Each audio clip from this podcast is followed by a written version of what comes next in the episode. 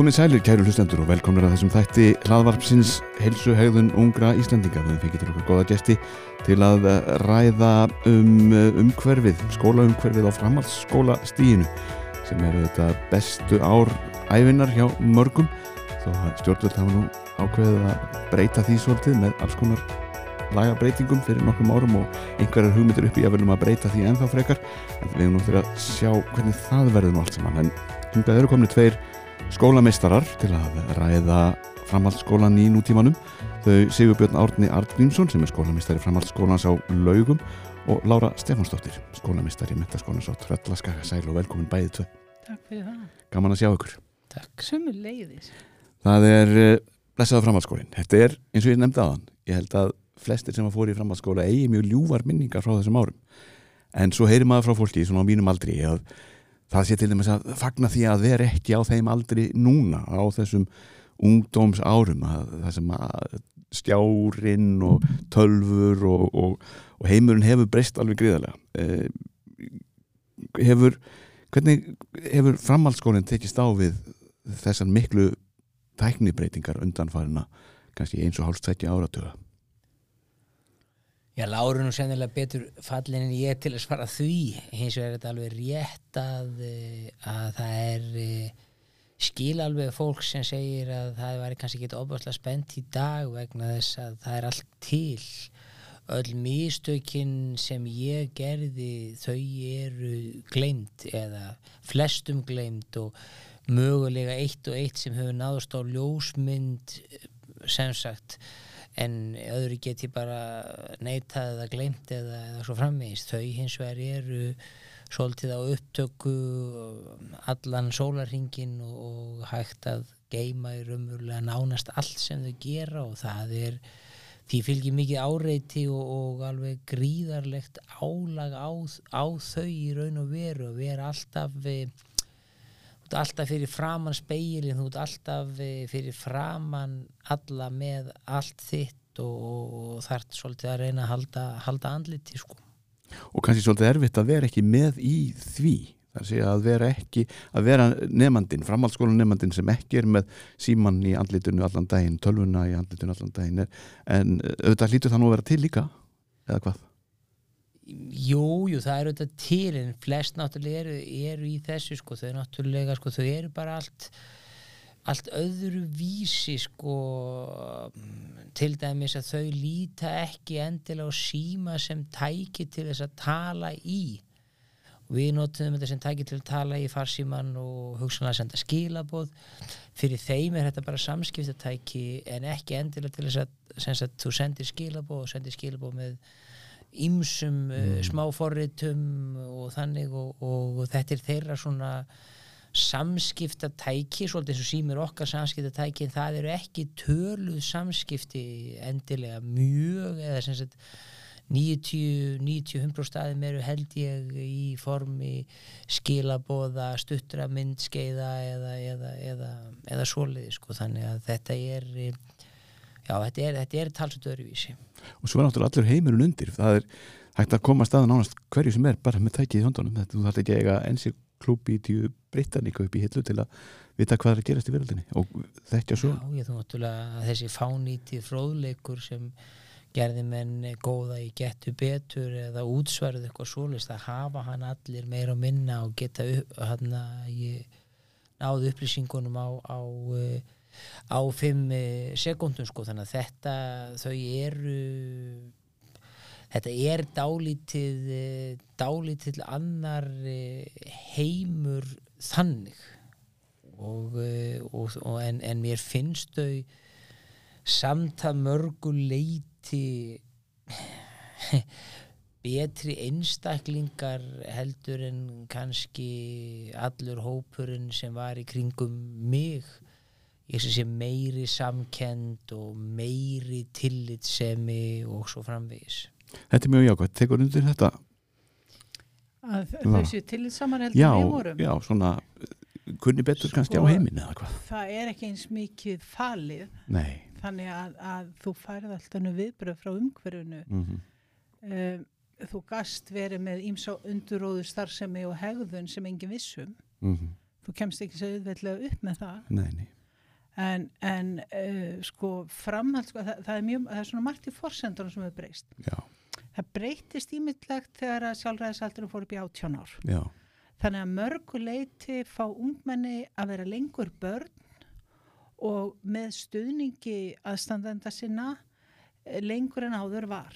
Eh, á meðan að við vorum þannig, ég veit nú ekki með bjössa uh, jú, að 16 ára skildum við vera okkar eigin fótum og mér finnst þetta að hafa breytt ungu fólki. Þa, til það- góðs? Já, mér Já. finnst það. Mm það fær meiri tíma í að, að þroskast og ég held að sé nú bara eðli líkamanns að, að vera ekkert alveg búin hann 16 ára. Að, eh, að þroskast og dafna finna sig og annað þannig að þegar þú varst að tala um sko framhaldsskólan þegar ég var ung -hmm. og ég var á lögum þannig að framhaldsskólan í dag þá, þá er þetta ekki sama fyrirbæri. Nei. og hérna og svona þessi kannski skemmti tími eða annað, mér finnst hann komin á háskólastig. Mm hann er síður ekki það að, að börnin get ekki skemmt sér og gert eitthvað í, eh, sko sér til indis auka. En þau velja ekki í skólanum til dæmis hjá mér böll eða útstólsi, þau koma saman borða saman, hafa eitthvað skemmteatriði þau eru á lanmótum fram eftir kvöldi. Þau uh, hérna náttúrulega sko nýja námskráð framhaldsskóla er náttúrulega eitt af besta sem hefur gerst og breytt framhaldsskólanum í að vera miklu áhugaverðara skólastík heldur um var. Og þe þessi umræðum styttingu fjóri þrjú ár er, er bara bull því að hvorki, eh, sko hann er bara ekki þrjú ár, hann er, er nærði að vera þrjú og hálft. Og það sem menn hættu að gera var mest að, að, treysta grunnskólanum fyrir sínu og vera ekki að endur taka það aftur í framhaldsskóla á kostna ríkisins. En á móti kemur að þá eigum við líklega bestu námskrá í heimi fyrir framhaldsskólan af því að skólinn ákveður sjálfur hvað er kent. Þannig að hann getur miklu betur koma móts við nefnendur sína og þróa námið. Þú getur lært miklu meiri sagfræði dag eða miklu meiri tungumál í dag eða hvað það nú er sé sveigurum námskrar þinn skóla þannig að, að hérna, þetta er bara miklu meira spennandi heldur en þegar við vorum að semja námskrátan henni gamla dag þar sem allt var ákveðið við einhver borði í ráðuneytinu að fámennum hópi manna og allir skildu læra það og ég skrifaði svona áfanga fyrir ráðuneyti sem hún sendir út og laði metna minn í að hafa það óljósa því það var í upplýsingateknis og það væri hægt að þróast. Núna til dæmis erum við með nefnendur sem eru í áfanga hjá okkur í, er, sem er Erasmus áfangi sem að er kannski um umhverfismál eða heimsmarkmið saminuð þjóðana þau geta lært það með nefnendum í Evrópu, þau geta farið til Evrópu og þetta er hlut af námur, þetta er ekkit Mhm. hobby. Nei, þau geta unnið í gegnum netið saman, hist, við hefum fengið skólaheimsóknar erlendis frá í sem við kallum nærverum sem er róbótanir okkar, þar sem að fólk getur labbað um skólan og skoðað og eh, þar sem að ég fer erlendis uh, og held erindi um Ísland og framhaldsskólan þá er svo mikil aðdána því sem við erum að gera og allir þessu trösti sem okkur sínt af alþingi, af ráðuneytinu og af umhverfinu að, að á meðan aðrir komast ekki til að þróa sér átt að fjórðu innbyltingunni þá getum við það eins og eldi brandur ef við svo kjósum. mm og það er þá undir hverjum skóla komið hversu metnaðfullur hann er á því leiti Já, sko, það er líka bara mikilvægt að því við erum ekki til eins. Nei, nei, ef þú vilt, uh, sko ég orðaða stundum að, að hérna það er stór hættulegt að menta börn til að verða afisin og amma. mm Ef þú ætlar að menta þau á gamla vegu til að vera afisin og amma, þá, þá er það ekki hæfni sem að nýtist vel í dag.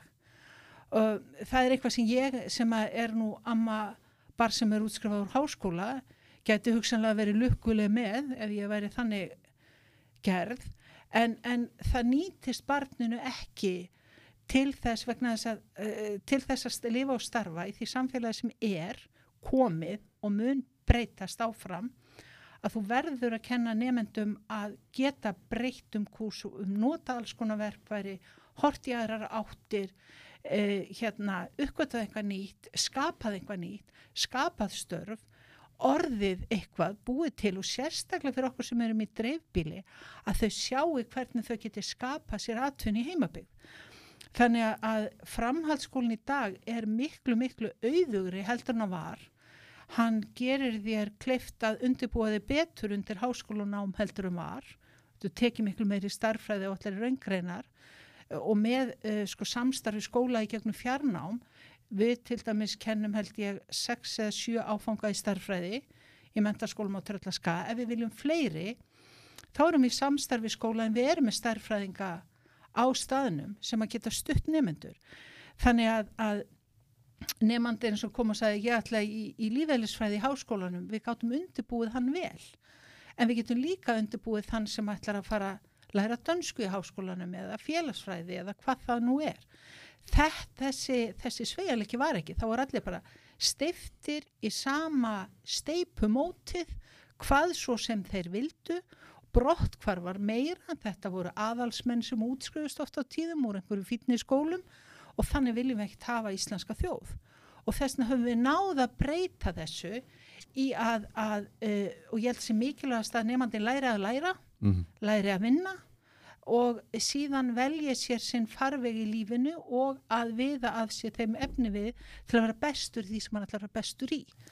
Og, og það er uh, þetta frábæra og það mér finnst alltaf svo grátlegt að menn ræðum þrjú og fjögur ár vegna það bara er, það, það skiptir ekki neinu máli í því sem gerðist í framhaldsskólanum á meðan orðræðinum alltaf stórkostlega sem er að gerast í ánum í kjölfarið á breytingunni hefur nánast bara er fyrir döfum eirum hjá þjóðinni sem er líklega með besta framhaldsskólakerfi sko, sem fyrir finnst uh, að mörg leiti Stúdensprófið er 200 einingar Já. Það er að vera 45 þú verður að hafa 45 í ennsku íslensku og starffræði, það er að 5 í starffræði 5 í ennsku og 20 í íslensku. Svo eru 10 einingar í dönsku. 5 er bara 5 einingar í dönsku. 5 einingar í dönsku. E, 13 í þriðamáli eða út í bóknámsveit og svo eru 3 ári í íþróttum og er það ekki rétt í mér? Nei, ég held að þessu, þú átt að hafa tök á því að komast í íþróttur á hverju en Já, en þú þarf ekki held ég að klára með þrjá árið eitthvað, það er allavega hana þannig að þetta eru af 200 einingum þá er þetta þriðjungurinn sem er fastur í einhverju sem einhver svona skilda Min, minn en þriðjungur, það er 63 ára út með bóklið eða út með Já, og ef þú ert á verknámsbröð þá er það bara rúmlega 50 einingar bara fjórðungurinn rúmlega sem þýðir það að þú getur sérhæftið ansi mikið og svo eru náttúrulega margir sem eru já, full fjögur ár þess vegna og þetta eru þrjú og hálft ári raun og veru 3,4 ár og þá eru menn ofta að taka aukalega líka áfanga til þess að undirbúa, undirbúa sér betur sko, og þau vita kannski líka betur þegar að líður á námið hvað þau raunverulega vilja fara að gera þegar að þegar, Já, í því sem tekur bara, við bara til dæmis eins og hérna í gamla daga þá eru það allir að taka einn áfanga í félagsfræði og einn áfanga í, í líffræði eitthvað, seg, segjum það, Mm. það, það breyttist nú setna í einhverja einhver náttúrufræði núna get, til dæmis tökum við mörg sko ingangað félagsvísindum og kynnum sko svona eins og ferminga hlaðbord Mhm. hvaða greinar eru þarna á þessu sviði hvað er í náttúruvísindum, við erum með það og hvað er í listum, svona þessar þrjár stóðir menta frá gríkjónum að, að hugsa hvar liggur þú, hvar, er, hvar, hvar finnst þér gaman? Af því að um leið og nefandi finnur hvar er gaman þá leggur hann sér fram. Og svo er annað, hann veit ekki endilega hvað hann vill verða en það er bara góðu lægi vegna þess að, að starfið sem hann verður er kannski ekkert til. Ekki og, og í, í það sem að ég lærði á sínum tíma og þau störf sem ég hef unnið um æfina þau voru ekki sjónmáli að fara að selja fólki hugmyndunum að interneti væri snjált ég meina hvað er internet? Hvað er það eiginlega? Já, og ég er að segja sko þannig að, að hérna við erum að fá miklu sko öflugri einstaklinga út úr þessu kerfi og líka námsmat vegna þess að nú er alls konar námsmat ónýtt eins og fyrirlestrar og rítgerðir. Þetta þegar menn er að láta skrifa rítgerðir sem er Google copy-paste og umorðun er ekkert nám á meðan að þú getur farið að beita alls konar aðferðum uh, til að nefnandin tilengi sér, sjáu út, uh, þreyfi á. Og, og það sem mér finnst sko, ég er mjög hrifin af, af hérna myndi Fimboa sinni sem skrifaði Líðmentun 1904 þar sem hann útskýri fyrir Íslandingum af hverju eiga þeir að menta sig. Mm og, og hérna og hann talar um, um, um hinn mentaða mann sem að glöggva sig á umhverfi sínu aðtúar hluti og, og uh, gerir úr þeim einhverja þekkingu í huga sér. Eh, það er ekki endilega skólaganga, það er bara þannig að mann verðan gerð versus þann sem er ómentaður og, og hann orðaðar svo skemmtilega er eins og ruslaskrín sem lífið hendir sínum róðum og uggum í. Og það er eitt af því sem er markmið okkar í skólunum, það er að búa ekki til passíft uh, fólk sem að sípur á einhverju flösku til að geta tekið próf, heldur tilenga sér, lærir að læra, lærir hvað það vil, hvernig það vil sjá hlutina sér, heimsmyndina starfar með fólki innlend og erlendu, hefur alla þessa sko hæfni sem okkur vandar til að vera sterk sem þjóð. Og, og það sem Vesturlöndin hafa gert mjög mikið, þá mjög mikið talað um þetta Ég, ég var fyrirlesar á alþjóðar ástöfnu mjög mikið á árunni 1992-96. Í dag eru haldni sömu fyrirlestrarnir þegar þú ert að hlusta á vestræna fyrirlestra. Ég gæti tekið komlu glærutna mín á flektum upp úr staðið með príðilegi fyrirlestri. En svo þegar við komum til Kína ára ástöfnu og fórum að skoða hvað þeir eru að gera, þá eru þeir bara urrand í að tilenga sér fjórðu innbyltinguna, búin að setja þenni kerfið hjá sér og ég man alveg þetta að setja hann á ráðstöfn og hugsa, ups, þeir eru bara að gera þetta sem við tölum um mm. en kerfið okkar þetta framhaldsskóla kerfið sem við erum með gerir okkur að kleift að þróast, vaksa og dafna og undirbúa fólk undir, sko, kannski nútíman uh, kannski framtíðina en allavega með hæfni til að takast á þau viðfánsefni sem koma Við erum allavega ekki að undirbúða undir fortíðina. Ekki til að verða amma sín Nei. og afi. Og það þá er ekki að taka það fram að Guðmundur Fimbo og svo náttúrulega var þingengur svo því sem algjörlega haldið til hafa. Það er betra að hafa það á hrein. Breytur öllu. Já, en, það, en það sem, það sem Lára er með að segja, þau gera hlutina svo margt öðruvísi. Hjá mér, þetta námsmatt sem ég var í sem var náttúrulega fyrst og hönstur ítgerður og próf þau eru að gera vídeo, þau eru að gera podcast, þau eru að gera uh, málverk. málverk, þau eru að gera búið til leikrit og þeim svo var nú hérna, ég er nú frekar kassalaga sjálfur og svo var ég líffræðinni fyrir tveimur árum, þá var hópur drengja sem gerði dans um kynnsjúkduma Já. og fengu tíu fyrir og ég skildi náttúrulega ekki alveg það hvernig þetta, þetta var, voru frjálskil og þeir ákvaða búið til dans, sem er byggjað til bæklinga og eitthvað og þá var þetta bara einfallega þannig að þeir búið til dans og svo náttúrulega fekk kennarinn að spurja þú út úr dansinu hvað þetta og hitt þetta takna og tólka og þá komið ljósa þeir kunnu bara það sem þeir átt að kunna og, mm. og, og gáttu tólka það með þessum óvenlega hætti. og, og það er og það er þau eru sagt, betri í því og svo náttúrulega internetin, ljósleðarinn tengingarnar þetta gerir svo, svo gríðarlega miklu meiri möguleika E, þegar ég er að alast upp þá voru til þarna, jú var til tölspil og svo voru til eldgamla leikjartöfur Commodore 64 og allt þetta. Það er ekki þessu tilpjössi þegar ég var ung. Nei, ég segi það sko. En þá áttu einhverju að eiga þetta.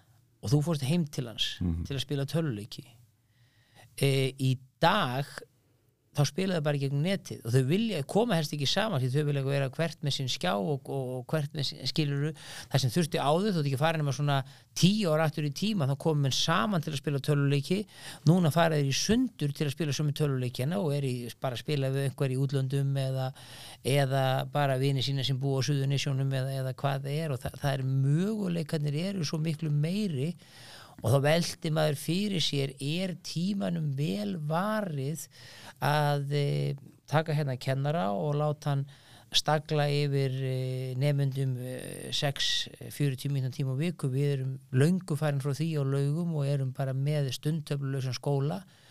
Það sem nefnundur bara mæta kortur yfir nýju fá samflöndin skóla til hálf fjögur og vinna við sín vinnuborða verkefni sem þeir eru og svo kalla kennarinn þá út í, í vinnu semst það getur þess að bara verið því lára ef þið eruð ekki að skila verkefnunum í dönsku og allir aðrir að gera og farið þið bara aukalega eða það getur verið heilu hópaðin bara þegar að kennarin telur sér hafa eitthvað fram að færa og telur nefndu þurfa, þurfa á því að halda þannig að þá er ekki og það það að innlægna verða oft svona rafræðni og, og, og þú nýtir tíman í raun og veru talsvert mikið betur og mætir þeim þar sem þau, þau eru. Þannig að mér er að verða að segja við eins og mig þá bara banna þessa síma í skólunum eða þannig sko skólastarfið mitt byggir upp á því að ég sé í tengslum við þau í gegnum þessi tæki. Námsgögnin eru öll hjá okkur í gegnum og við kennum allt í gegnum Microsoft Teams.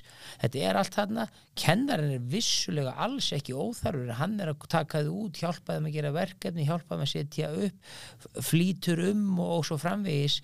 En það að, að, að kennsla sé það að kennari standi hérna upp við, já, ég ætla kannski ekki að segja krítartöflu en einhverja tústöflu með skjáafram fyrir fram að sig og, og sé með 25 manna hóp og sé að auðsa úr sínum viskubrunni.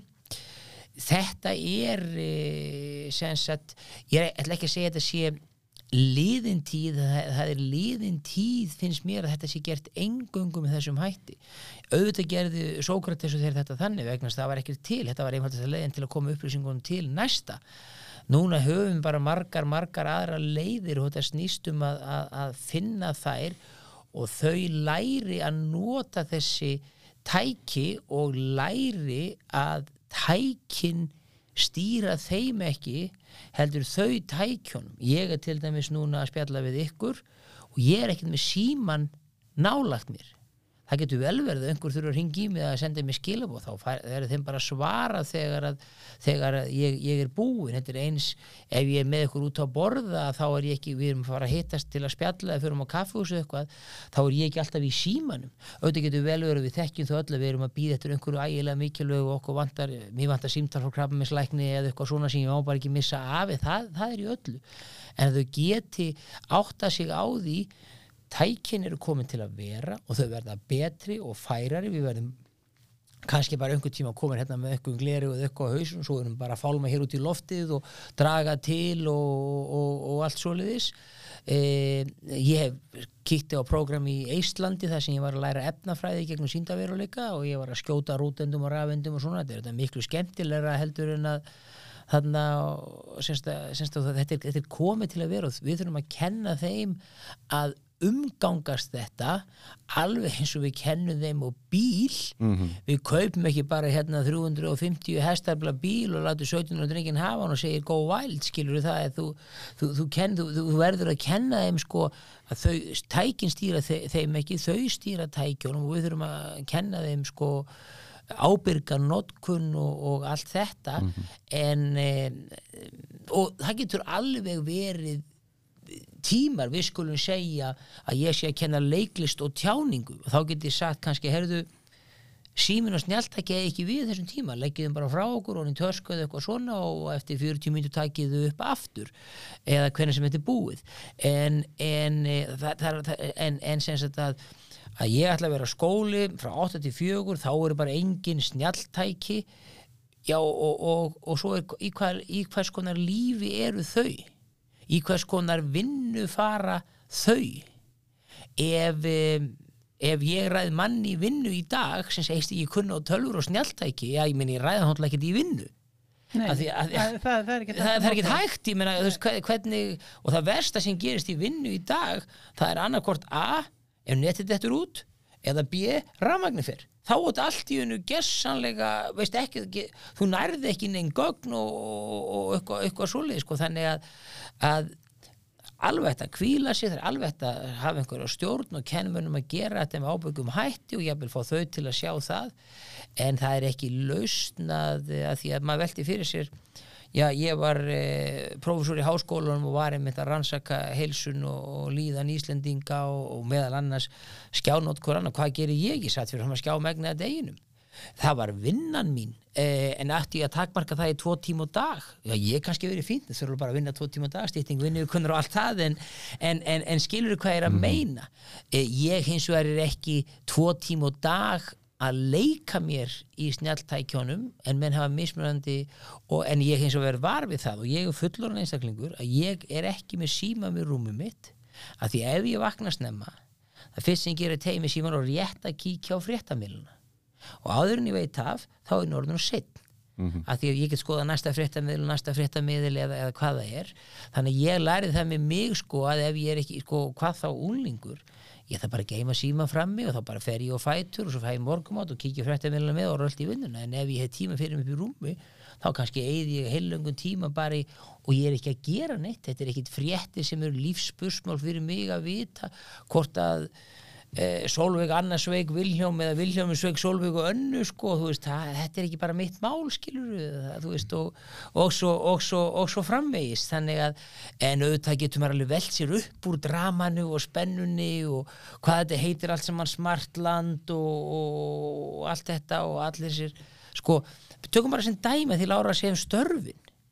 Ef krakki hefði komið til mín fyrir sko tíu árum eða barnið mitt hefði komið til mín fyrir tíu árum og sættilega hætti í skóla að því hann ætlaði að gerast áhrifavaldur og ég spyr hvað er það, ég ætla að taka mig upp eða skúra gólf og elda mat og fólk mun borga mér ég get lifað því, ég myndi segja, það verður svona rugglaður þannig að jú, við verðum auðvitað með umöndunastörf það verða kennarar það verða hjúkunarfræðingar og svo framvegis prestar og svo framvegis. Gröfumenn og vörubílstjórar. En, en, en það verður, það er bara svo fullt af störfum sem er ekki til í dag sem verða til eftir fimm ár og hvað tala ekki um tíu ár og svo hitta störf sem hann er dettur aldrei í huga að, að detti upp fyrir sko, minna, vídeolegur Eh, geisladiskarnir skilur þú veist þetta er náttúrulega það áttu þetta svo gríðaleg framföru með plöturnar, það mátti þetta rispa þetta var eitthvað hendis í vegg og allt þetta.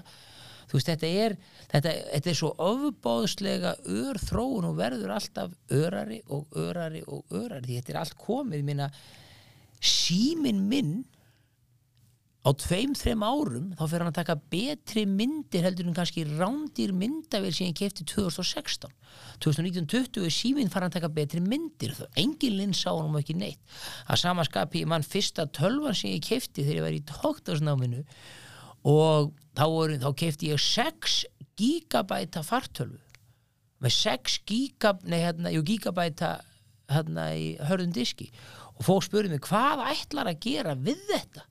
Þetta er allt saman. því að sko þá er í tölvunni þá er í, hjá okkur var semst, ein tölva með einu gigabæti og önnu með tveimur sem þóttu full stór símin, hann tekur miklu meira en þessi tölva sé með þá. Hann er bara í rassasunum allan allan daginn, þess vegna sko. Mun öflugur en fyrstir afreiknir háskólans. Já, Já, ég meina, ég er eldri en þú aðeins og það var, ég vann við innflutning á landsafættir afvertaka þegar ég var ung kona og, og við keftum tölvu og það virkaði ekkert forrit, svo ég lærði að forrita, þannig að það var mjög skemmtilegt. En ég vildi fá úr 5 megabætum harðadisk í 10 megabæti og stjórn hérna, félags rafvertaka fannst þetta gríðaleg frekjá og ég man alltaf eftir eitt saði hvað heldur eiginlega við séum? Álverið eða hvað?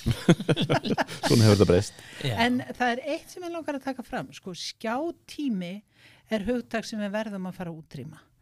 Vegna þess að skjátími, eh, skjátími er ekki skilgreining uh, á neinu og fræðilega óskilgreinanlegt hugtak. Það er mjög mikið notað samt. Já og það er bara þetta sama á framhaldsskólinn 3 og 4 ár. Þetta er einfeldningsumræða. Fyrir gefið ég er ekki að segja fólki... einföldunur umræða. Já, mér finnst hún lagi, en fólki er ekkert einfeldningslega, sko, einfeldninga sem... Þetta er eitthvað sem fólk trúir. Ég get alveg snúið þessu upp og ta tala um íþróttatíma. Ef þið horfið á klukkutímana sem mælt er með í, í skjátíma fyrir börn, þá myndið þið mæla með svipum íþróttatíma. Eh, annars hérna fara, fer bara líka mann að gefa sig. Það er bara allt best að sko skjátímin er þegar þú talar við ömmu og ert að lesa fyrir hana hann er þegar þú nærði vinkonuðin hann að sigga út í Svíþjóð. Hann er þegar þú ert að horfa á fræðslu myndbandum eitthvað. Hann er þegar þú spila tölvuleik. Hann er, hann er svo allstar Já, að hann, hann, hann er þegar þú sendir skilaboð til vinaðina meðan við ringjum í það myndum aldrei flokka það undir sko skjátíma en það að ég er að gera eitthvað svo sendi ég, eða þessi krakkar er að gera eitthvað senda vinni sínu skilaboð, halda áfram, fá skilaboð tilbaka og svo framvegis og framvegis og framvegis. Þetta er svona, en þetta er allt sem hann telst sem sko skjátími bæði sko vinnutími e, svona tími samverða með fjölskyldu eins og ömmu sem er hérna meginn á landinu eða hinum meginn á hnettinum og svo hitt að, að bara tölvuleikir og það sem, það sem við erum að hugsa að sé kannski svona slæmi skjátímin ef maður getur orðað það þannig sko, sem Já, er kannski ekki en- endilega slæmur Nei, en, hann sko, er en ekki slæmur, hann, hann, er í, hann er í afþreyingu. Ekki tendilega Já, sko við kennum rafíþrúttir og, og tölvuleikja fræði og þetta er bara hluti á atvinnu nútímans eh, bæði þessi íþrótt og það til dæmis það að kenna rafíþróttir held ég að sé með því skinsamara sem maður gerir af því þar uh, sko erfið að fástu, þú þarft að sofa þú þarft að borða, þú þarft að hugsa um heilsuna, Mhm. þú þarft að kunna keppa og þú þarft að spila og þetta er, er mjög svipað, þannig íþróttakennararnir hjá mér er að kenna þetta með sérfræðingunum í rafíþróttunum og svo framvegis að, að hérna að þetta sem að ég rakst svo oft á hérna var farðu út að leika þér, ekki vera svona mikið við tölvuna og ég skrifaði einhvern tíman nauða ómerkilega grein sem hétt uppeldinu líkur ekki við liklaborðið og það sem að, við höfum rekist á er, er nefendur sem að eru svona, þetta er oft sem kalla, ég kalla tölvu tíndir drengir, það verður enginn farið með þeim inn í veröldunum sem þeir búi og ég man eftir sérstaklega nefnda sem var bara ekki samskipt við neitt og við ákveðum að fara inn í tölvuleikin og bara sjá hvar er þessi, þessi ágæti piltur stattur félagslega þar.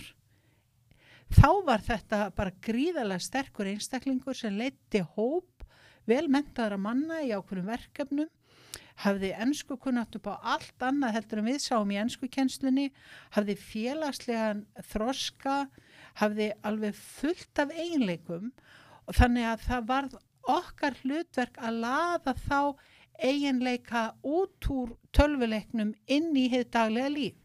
En það standa fullt af foreldrum yfir börnum, verð ekki að hangi í tölvunni, verð ekki í þessum tölvuleikum, verð ekki þessu farðu út í fótbolta, farðu út að hlaupa og farðu út og gerðu þetta og gerðu hitt. Og við erum bara ekki allir eins. Og, og hérna, þannig að uh, barnið og ungmenni í tölvu getur verið að gera afskaplega merkilega hluti einn nefandi hjá okkur skrifaði bók sem var gefin út á Amazon og ennsku menn hann strögglaði í ennsku tímum. Þannig að, að þetta við þurfum að læra líka hvernig við nálgumst svona viðfánsefni og, og, og gerum þetta sko það er svo marga leiðir. Við erum með, við erum svona nokkurn veginn eins og bjössi nána stundatöflu laus kennar geta valið að hafa einn klukkutími viku og það var talað oft um sko er kennarinn Sage on the stage eða, eða Guð á sviðinu eða Guide on the side eða leiðbeinandi við hliðin á þér og með þér og það, það er nokkurn veginn það sem Bjössi var að tala um. Og, og hérna og við gerum það, við sjáum verkefnaskil, við fylgjumst með hvað þau eru að gera en við stöndum ekki gjammandi fyrir töflu nonni, nonni, fylgjast með. Sigga, hætti að spila nú á að gera þetta og þú dregur og þegar þú fyrir að hlusta svona kennslusundir þá sérðu hvernig kennarin dregur einstaklinga og nagar þá stöðugt allan tíman á meðan kennslusund stendur þannig hann stendur ekki til japs við aðra. Eh, einhverja hluta vegna er, er, er nefndin ekki að fylgjast með. Það getur verið svo margt í lífan sem gerir það verkum akkur þessa fimm minútur er hann ekki að fylgjast með. Getur verið veikind á heimilinu, hann getur verið lasin hann getur bara verið pyrraður, hann getur verið aðteglisprestur, hann getur verið hvað sem er. Þannig að, að sko við erum ekki að hérna, pjaka, pjaka í þeim og það sem að mér kom svo, svo sko, mér var svo dásanlega þegar ég uppgöta að nefnendur mínir stjórna náminu sjálfur.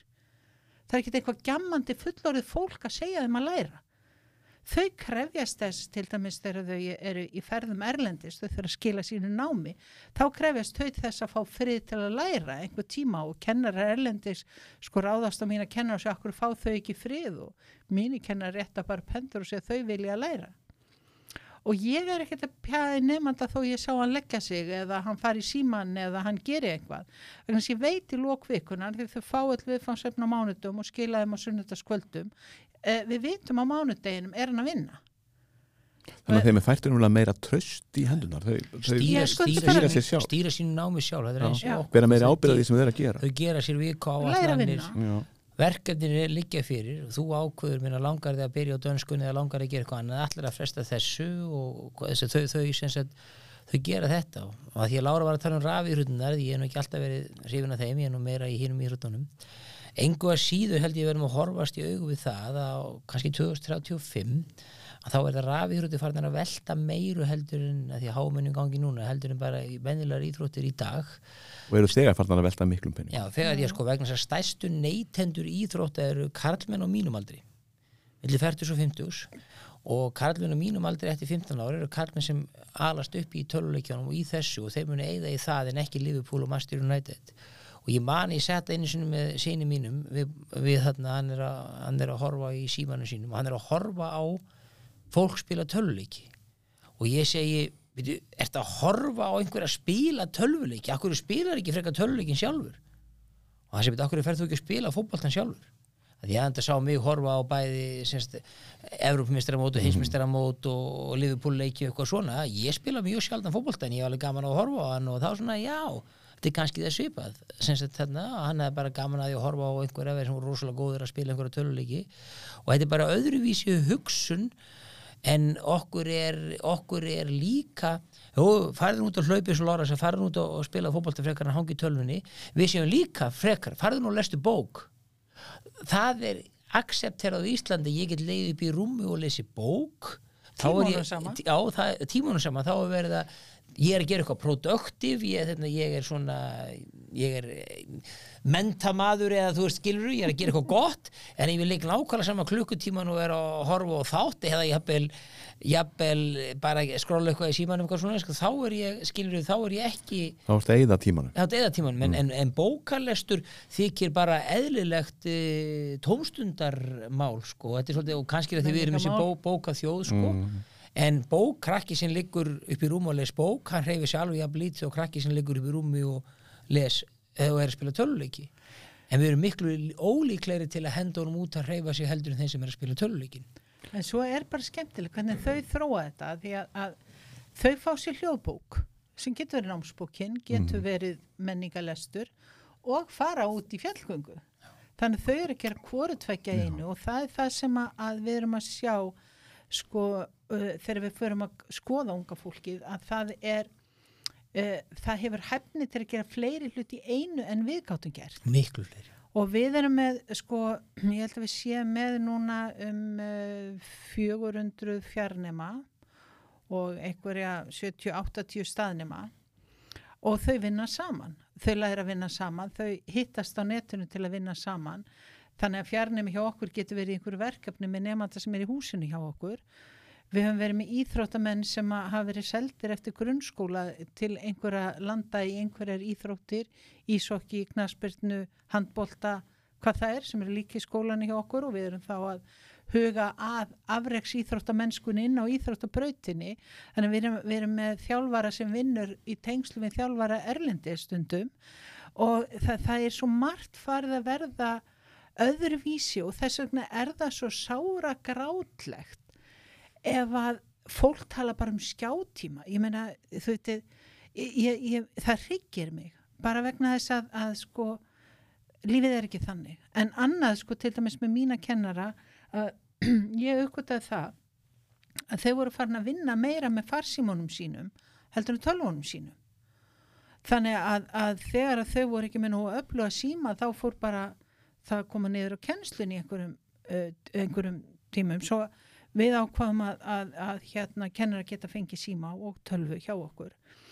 Og einhver tíman kom ég út á kaffihúsið í, í Ólasfyrði og þar sé ég allt í einu algebru á servéttu já, og ég er svo hver er að rekna algebru hérna á kaffehúsinu og þá sem ég að Inga starffræðikennari var hérna áðan og, og hún reknaði þetta og ég fer og spyr Ingu að þá tekur hún eftir á netinu bara þegar hún er að blaða einhvað að nefndundin er í vandræði með eitt dæmi. Og það er eitthvað sem strandar sem hún átt að segja á að það mætti bæta þarna útskýringar. Þannig að hún tekur farsíman sinn uh, reiknar þetta dæmi á servitu eða svipa dæmi til að útskýra hvað þetta er uh, ítir á send og heldur áfram að drekka sitt kaffi. Og ég fer nú að segja venninga mín, ég menna þú varst nú kaffi og fríi og, og átt nú ekki endilega að vera alltaf að vakta nefnendur og, og þá sagði Inga, ég menna það er miklu fljótlega fyrir mig að henda, þetta tók mig fimm minútur útskýra þetta, senda þeim útskýringuna þau gáttu þá haldið áfram að læra. Fyrir utan það að þér kemur ekkert við hvernig ég er að vinna. Nei, nei, en, en þetta er alveg sko, en þetta er miklu effektífari leið heldur en að komast að því í næsta starffræði tíma, allir er búin að vera stopp, ja, allir kannski ekki alveg allir En svo, margir. Já, margir og svo ertu og svo ertu, og svo hóar öllum hópnum saman til þess að sína, þeim- sína þeim þetta. Þarna er þetta, þú getur skoða þetta ef þú ert strand og ef þú ert ekki strand e, þá heldur árum, þannig er kerfið minn hjá mér að þú ert bara mikið að vinna verkefnum sem kennan er búin að setja fyrir og þú fær hjálp þegar þú þarft hana. Því ef ég er með 25 manna hóp og við skulum segja ég sé að kenna starffræði og starffræði er ekki alltaf það einfaldasta. Jú, jú. jú, jú, en, en samt, samt sem áður sko hérna- Tölvöld einfaldir nýþróttir. Ja, en hann allavega hana ég er að kenna starffræði og ég er með 25 manna hóp og 5 eru löngum búin að skilja það sem ég, ég var að gera. Aðrir fimm eru með aðteglisbreystu eitthvað svoleiðis þá fók lustapókið fram í gluggan og þeir fóru aðeins að fylgjast með honum og svo komið þeir inn í tíman eftir 30 sekundur og búin að tapa mér. Rétta náttúrulega ekki upp hönd vegna sem ég er margsins búin að segja að vera að fylgjast með og vera ekki að góna til gluggan eða að gera eitthvað annað. Svo eru aðeins 15 hann sem þurftu um lengri tíma og ég þarf að fara yfir dæmið aftur. Þannig að ég er í 20 human hópið þá er ég með 10 sem er í afplánum 5 sem skilja ekki neitt og, og, og restina tímanum er algjörlega ónýtti fyrir þeim að þau þurfa bara að sitja hérna og býða eftir að tímanum er búinn.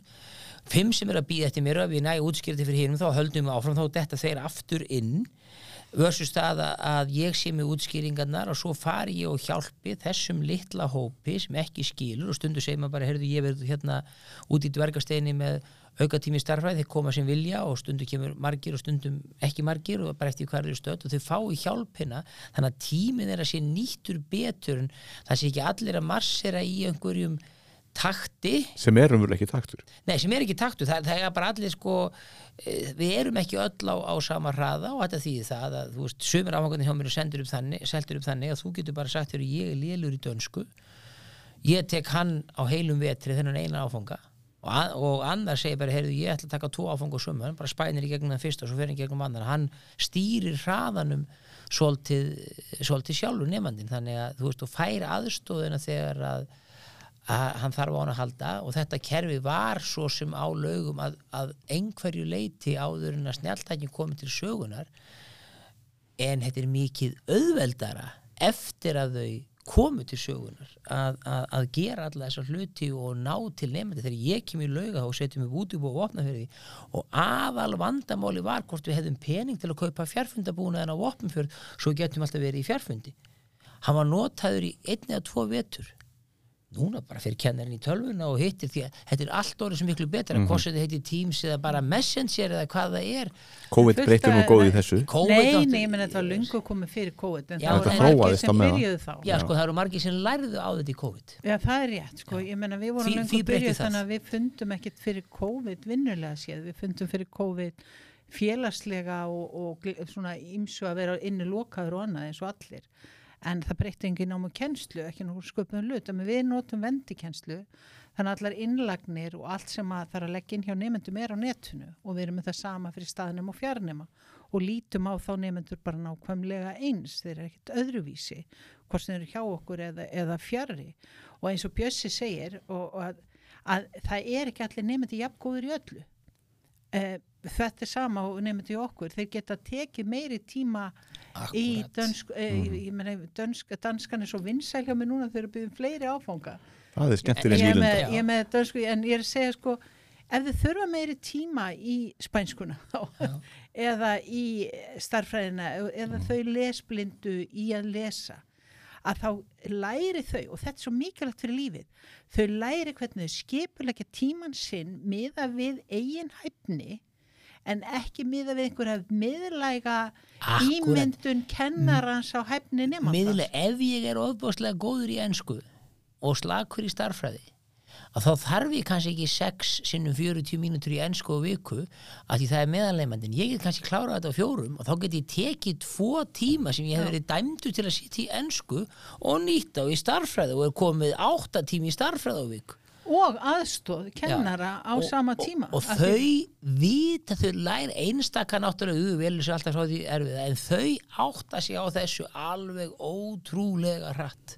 En hvernig hefur kennurunum gengið að aðlaga sig að svona þessum svolítið, eigum að segja, nýja hugsanahætti? Uss, ég er bara með snillinga. Já, og Lára náttúrulega valdi inn alla sína kennara. Já, hún stopnaði nýjan skóla en auðvitað er þetta tjáln eins og, hjá mér til dæmis að þau eru ég er með alveg frá því að vera með ný útskrifaða kennara með allt í fingrunum í það að kennara sem eru komnir um 60 og, og þurftu að læra bara allt jafnóðum en, en það er eins það sem ég ránaði með sko það er, það er viðhorfið, þeir eru tilbúnir og svo er þetta svo eins og í öllum kerfum að ég læra nota þetta mest og ég nota mest þessa uppsetningu og svo framvegis. Það er bara eins og við notum mismunandi til dæmis forrið, ég til dæmis vil miklu frekar svara tölvupósti í tölvunni heldunni símanum. Ég er með hann í símanum svo ég geti séð hann. Ég vil helst ekki pikka inn á hann. Ég er, ég er, miklu, ég er mjög fljóttröðu velrita og, og mér er miklu þægilega að fara og þetta er eins ef ég er að leita á netinu. Við móti í símum er öðruvísi. Mér er miklu þægilega að leita á netinu í tölvu heldunni síman ég sé einhvern veginn meira. En, en það er semst en ég er líka alveg einstaklega áhuga lítill um tækni. Já, ég er það sko, ég, ég skil og ég skil þörfina fyrir hana en áhugin sko, til mér sem mann ég á koninu minn í Fertugskjöð 2014 iPad, þannig að langaði iPad. Og ég átti tölvu, fartölvu og ég var þá rétt komið með snett snjálfsíma, fyrsta snjálfsíman og þennan iPad snerti ég aldrei nema til þess að færa hann á eldursporin því þetta þurka borði sko, fyrsta árið. Svo svona smá saman, ég sá ekki ég þurfti ekki þriðja stí í, í þessu sko, það er iPadin kveikir sko ný tækni kveikir ekki mér þannig að mér langar til að fara að fykta í tækninni sem, sem slíkri. Ég er miklu hrættir ef að skemmu eitthvað eða þannig og þegar koma þessar eilífu uppfæslu geti orðið pyrraður ekki á sama stað. En og þannig má segja ekki ég sé gamaldast þannig en ég eins og kennarætti mín við skiljum að þetta er líkillin að þeim við þurfum að gefa, gera krakkana nýtjum þjóðfélagstegnum og við þurfum að kenna þeim að umgangast tækin eins og til í dag þá eru tækin bara komin og það fá bara allir síma. Ég meina við gáum okkur krökkum síma við 12 ára aldur og vorum ömurlegustu fólöldir í heimi það voru allir konið með þetta. En það sem ég er að meina en við sleppum svolítið bara lausu bara hér í sími, bara go wild sem við gerum ekkert með margt annað. Við erum að kenna þeim alveg fullt öðrum hlutum að sé ekki bara farðu að málaði herbyggið hér í máling slettin á veggin við vundum alltaf að sína hvernig þú málar og hvernig þú passar hérna að fara ekki út þarna. þú veist og þetta er bara nákvæmlega eins við erum kannski svolítið hrættari sem fullótandi við kunnum ekki nægilega á þetta en þetta mun lagast og, og, og notkunnum verður ábyrgað því þau, þau munu átt að sjá þessu líka því að mín reynsla af úlingum í dag er að, að þau eru bara almennt skinsum Þetta er og, gott fólk. já, gott, og, og, og þau eru alveg tilbúinir að fara eftir reglum ef reglan er rökriðið það sem það meikar sens ef hún gerir það ekki þá hafði engan áhuga að fara á eftir henni til dæmis eins og í kóðun ég var með heimaðastaskóla og það áttu að vera 25 manna hópar. En heimaðastinn flokkaði sem heimili og þau máttu ekki, við vorum herbyggisfélagar þú og félagsvísindabraut og ég náttúrvísindabraut og við máttum ekki hittast millir 8 og 4 en svo gottum við verið saman millir 4 og 8 það er mjög erfitt að fá krakka til að fara til svona reglu. En reglu sem þau skilja og sjá að eru skinsamar það er bara ekki, ég er ekki heimaðastaskóla og það er nánast ekkert hann þau vita reglurnar hvað má gera og heimaðastinn hvað má ekki gera og þau eru bara tilbúin eru til í það sem er röggrétt. Já. En mér langar að grípa aðeins sem hún komst með sko þannig að kennarana og, og lenda í því sem ég rætti hérna í upphafi að læra að læra og kennari sem að her, hefur ekki lært að læra og þar með læra aðrar aðferðir, læra að skoða hlutina hvað hentar honum því það er ekki allir kennar að vera eins þegar ég var ólíkir það er bara spennandi fyrir börn að hafa það og ungmenni En ef að kennar hefur lært að læra sem er fæið hans, að þá að sjálfsögðu getur hann gert þetta. Og það, að- það að, að kennari sem getur ekki lært, hvernig getur hann kent? Þannig að, að þetta er svona órökrétt orðræða, ég átti alls ekki við þig, kæri Markus, þetta er bara svona almennt að, að segja að fólk get ekki tilenga sér tækni, fjallar um að segja að þú getur ekki lært. En einmitt að því að sko, eins og, eins og Bjössi nefndi sko, þennan aldur 60 ára til dæmis sko, fólk á þeim aldrei eru þetta búið að haldast í hendur við þessa þróun alla tíð. Ég meina, ég er 65, Já, strákar. já. Ég er nú bara Já, aldrei en, það. en þú fegst nú fálk orðið fyrir tækni þróun í skólastarfi þannig að þú ert nú ekki, þú ert ekki að halda þér frá svona venjuleg 65 sko. Þú férst fálk orðina fyrir einhver helvits Já, íþróttir. það, það, það, það er öðruvísi Akkur en- mættum við ekki með þessa fínu orður? Ég, við erum alveg vandræði með hvað við erum að nota þau. Já, hefur þetta gera það Nei, þá ég- ég ég þetta fengið minnum átt að kent Orðulaus Nei, Nei, það, það er sko, En það er sko, er- pointi var að þú ert ekki venjuleg 65 ára ekki þegar kemur á tækni. Já, það, það er mjög gaman allavega hann að lappa inn í tölvubús sem sel, selur tölvuleikja tölvur og, og það kemur svona a- sko, liggur í spurningin, ert á réttum Þetta leita hann er það búðinni? Að leita prjónabúð Nei, þess ég segja, sko, maður þarf yfirleitt tvær setningar og hafa þær frekar hrókafullar Já, þá far maður þjónustu eftir það.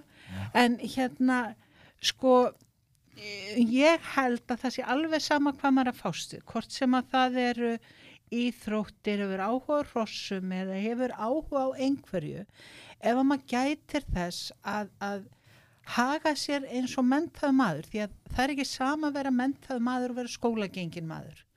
Skólagengin maður hefur lært eitthvað afgreitt og búið og hann setur lokið þar, Þa, þá, þá er það ekki mikils virði maðurinn sem að, eða mannveran sem að mentar sig alla æfi í því sem að hún hefur hag af að, að það er það sem við viljum kenna okkar unga fólki því hafið það verið e, mikilvægt einhver tíman stundum hérna í gamla þetta var það kannski ekkert merkilegt því sannleikur var eins út lífið.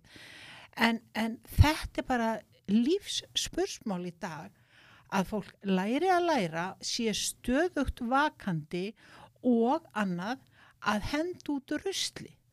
Það er að segja, ég er hætt, ég var mikill fréttahákur, ég var að hafa alla fréttatíma og sjónvarsfréttir og þetta og hitt og svo þegar hruni kom þá hafði ég ákveðið að taka master í listljósmyndun. Ég semst með master í mentunumfræðum, mér langaði að gera eitthvað annað, mér var skólinn uh, aftur allt samur og breyttist ekkert. Svo fór bara lífið aðra leið. En, en hérna að fréttinnar af hruninu, ég var varaþingmaður á þessum tíma, þetta gekk svo næri mér, ég gæti ekki lært. Og ég slögt á fréttum, bara til þess að geta einbeitt mér að mínu námi og standa mig í mínum verkefnum.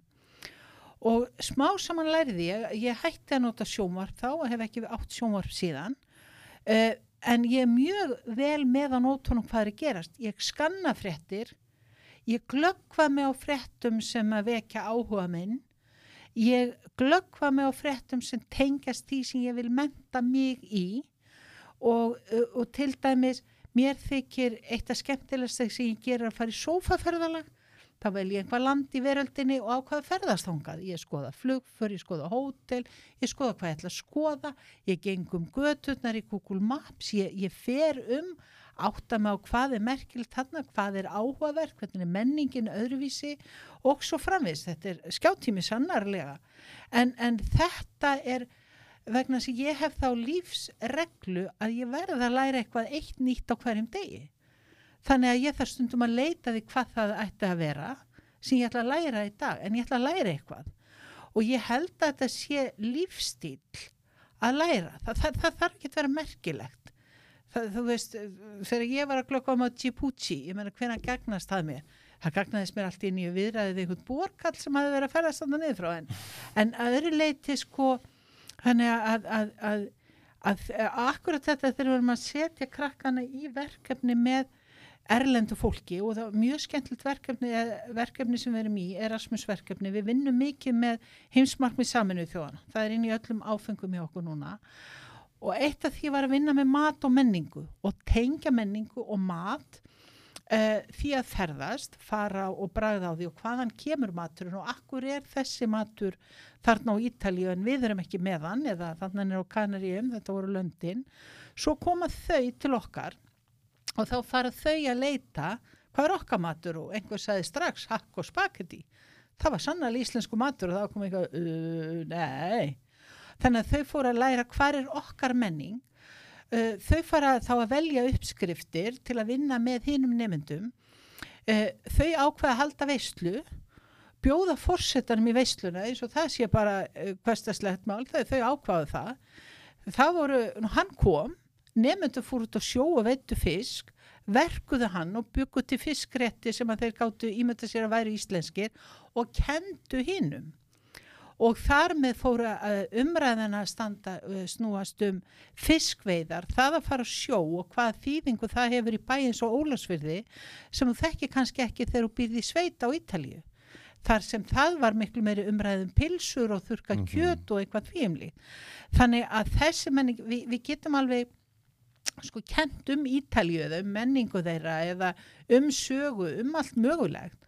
En með því að vera með hinnum krökkunum vera með jafnöldruð þínum sem búið þessum löndum eru sjálfa átt að sjá eigin menningu og miðlenni uh, vinna með öðru með aðra uh, vinnu menningu og svo framvegis.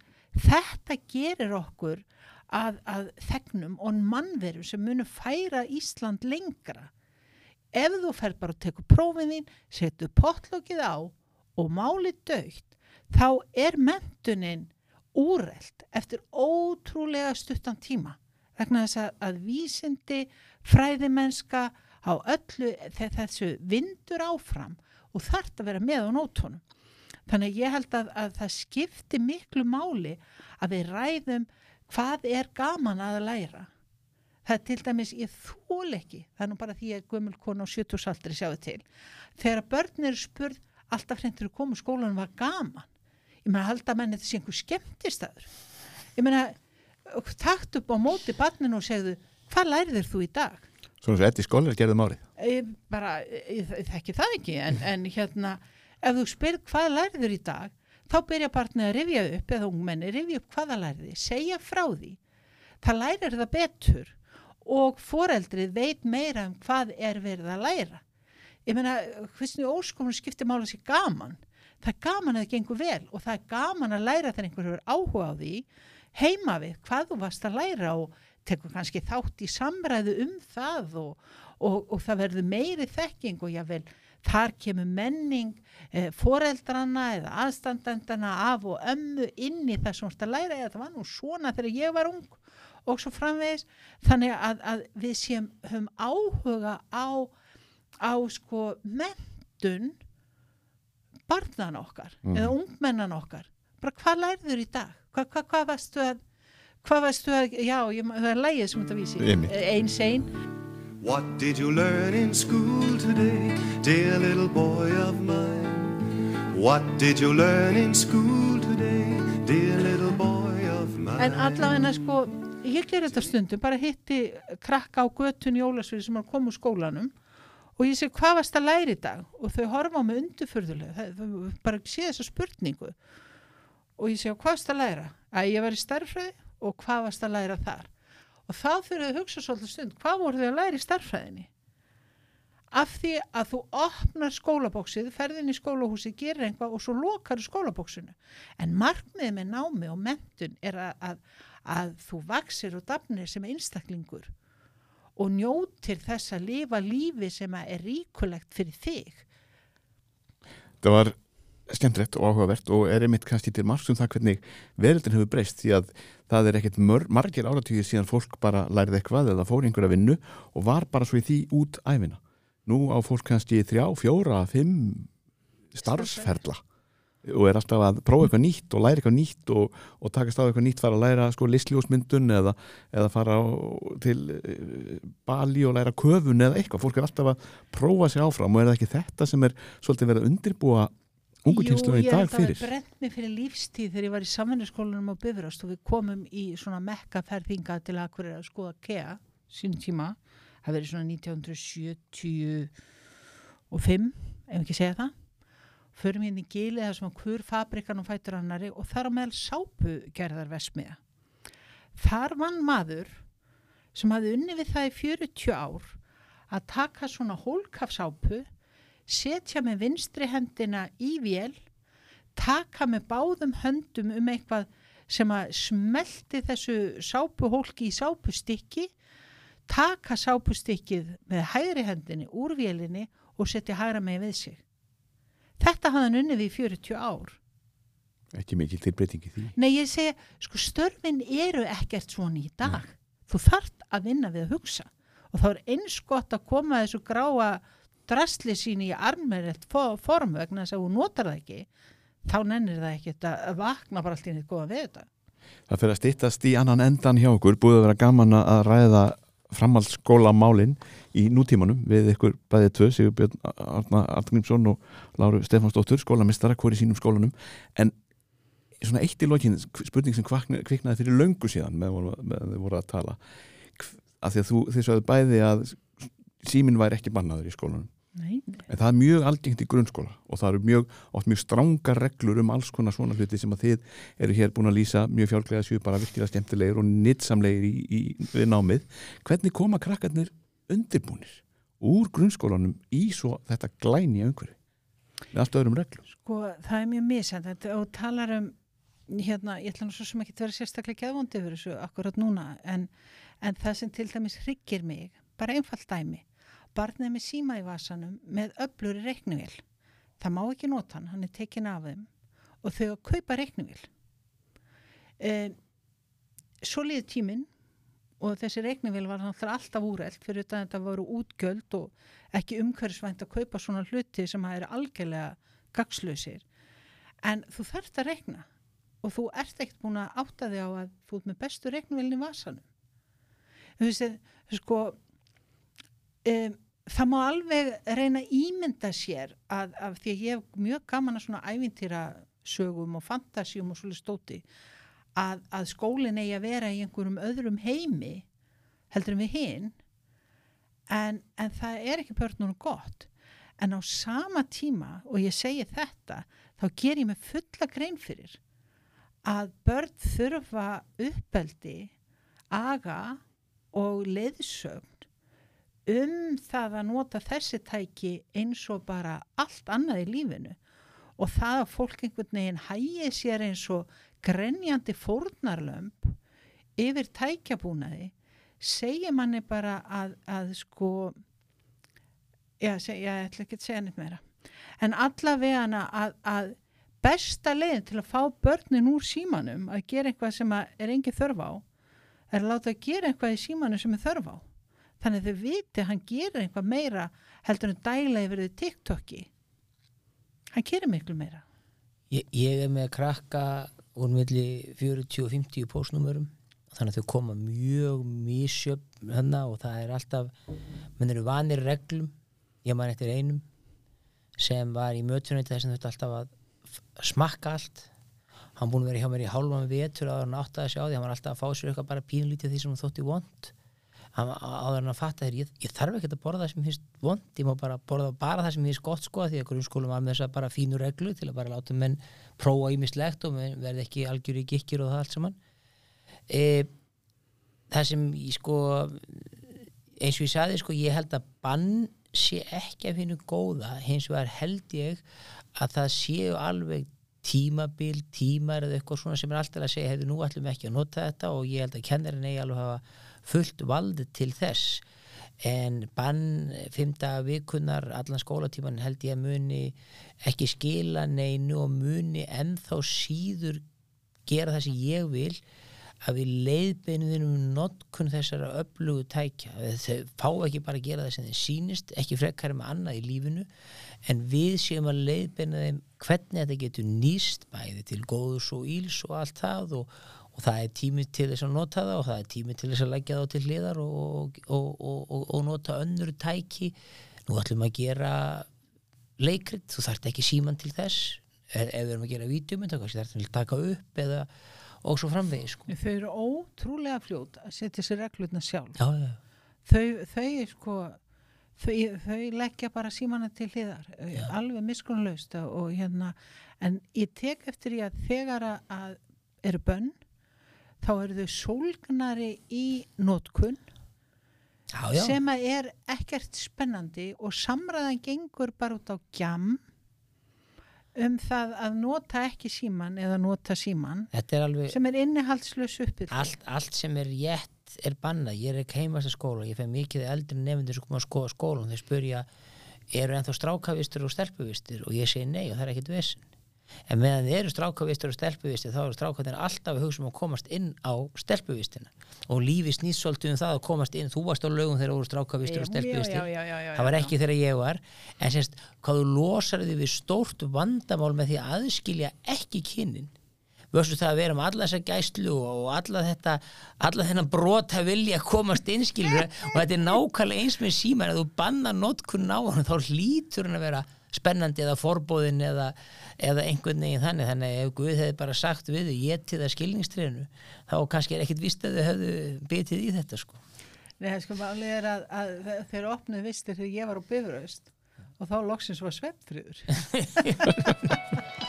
En við heyrist á ykkur báðum að ykkur þykir framtíðin björt frábært ungt fólk sem er og, og við erum með alveg svakalega Íslandi. Mjög og gott bara það sem er skilda fólks eins og okkar bjössa þar að vera bara ekki fyrir þeim með einhverjum gerðingum og reglum bara úr okkar fortíð. Góð loka orð, gaman að fá okkur bæði í þetta hlaðvarp um heilsu hegðun ungra Íslendinga. Heilsan ekki endilega kannski nefnd sérstaklega en þetta skiptir þetta allt máli bara varðandi andlega heilsu. Er að vera ánæður í lífinu og vita hvert maður ætlar hvernig manni svo farnast í, í þessu ágæta lífshlaupi okkar. En kæra þakki fyrir að vera með okkur. Lára Stefansdóttir skólameistari mentaskólan svo Tröllaskaga og Sigurbjörn Árni Arf Grímsson skólameistari framhaldsskólan og lögum. Kæra þakki fyrir að vera með okkur og til hlustendur takk fyrir að hlusta, verið þið sæl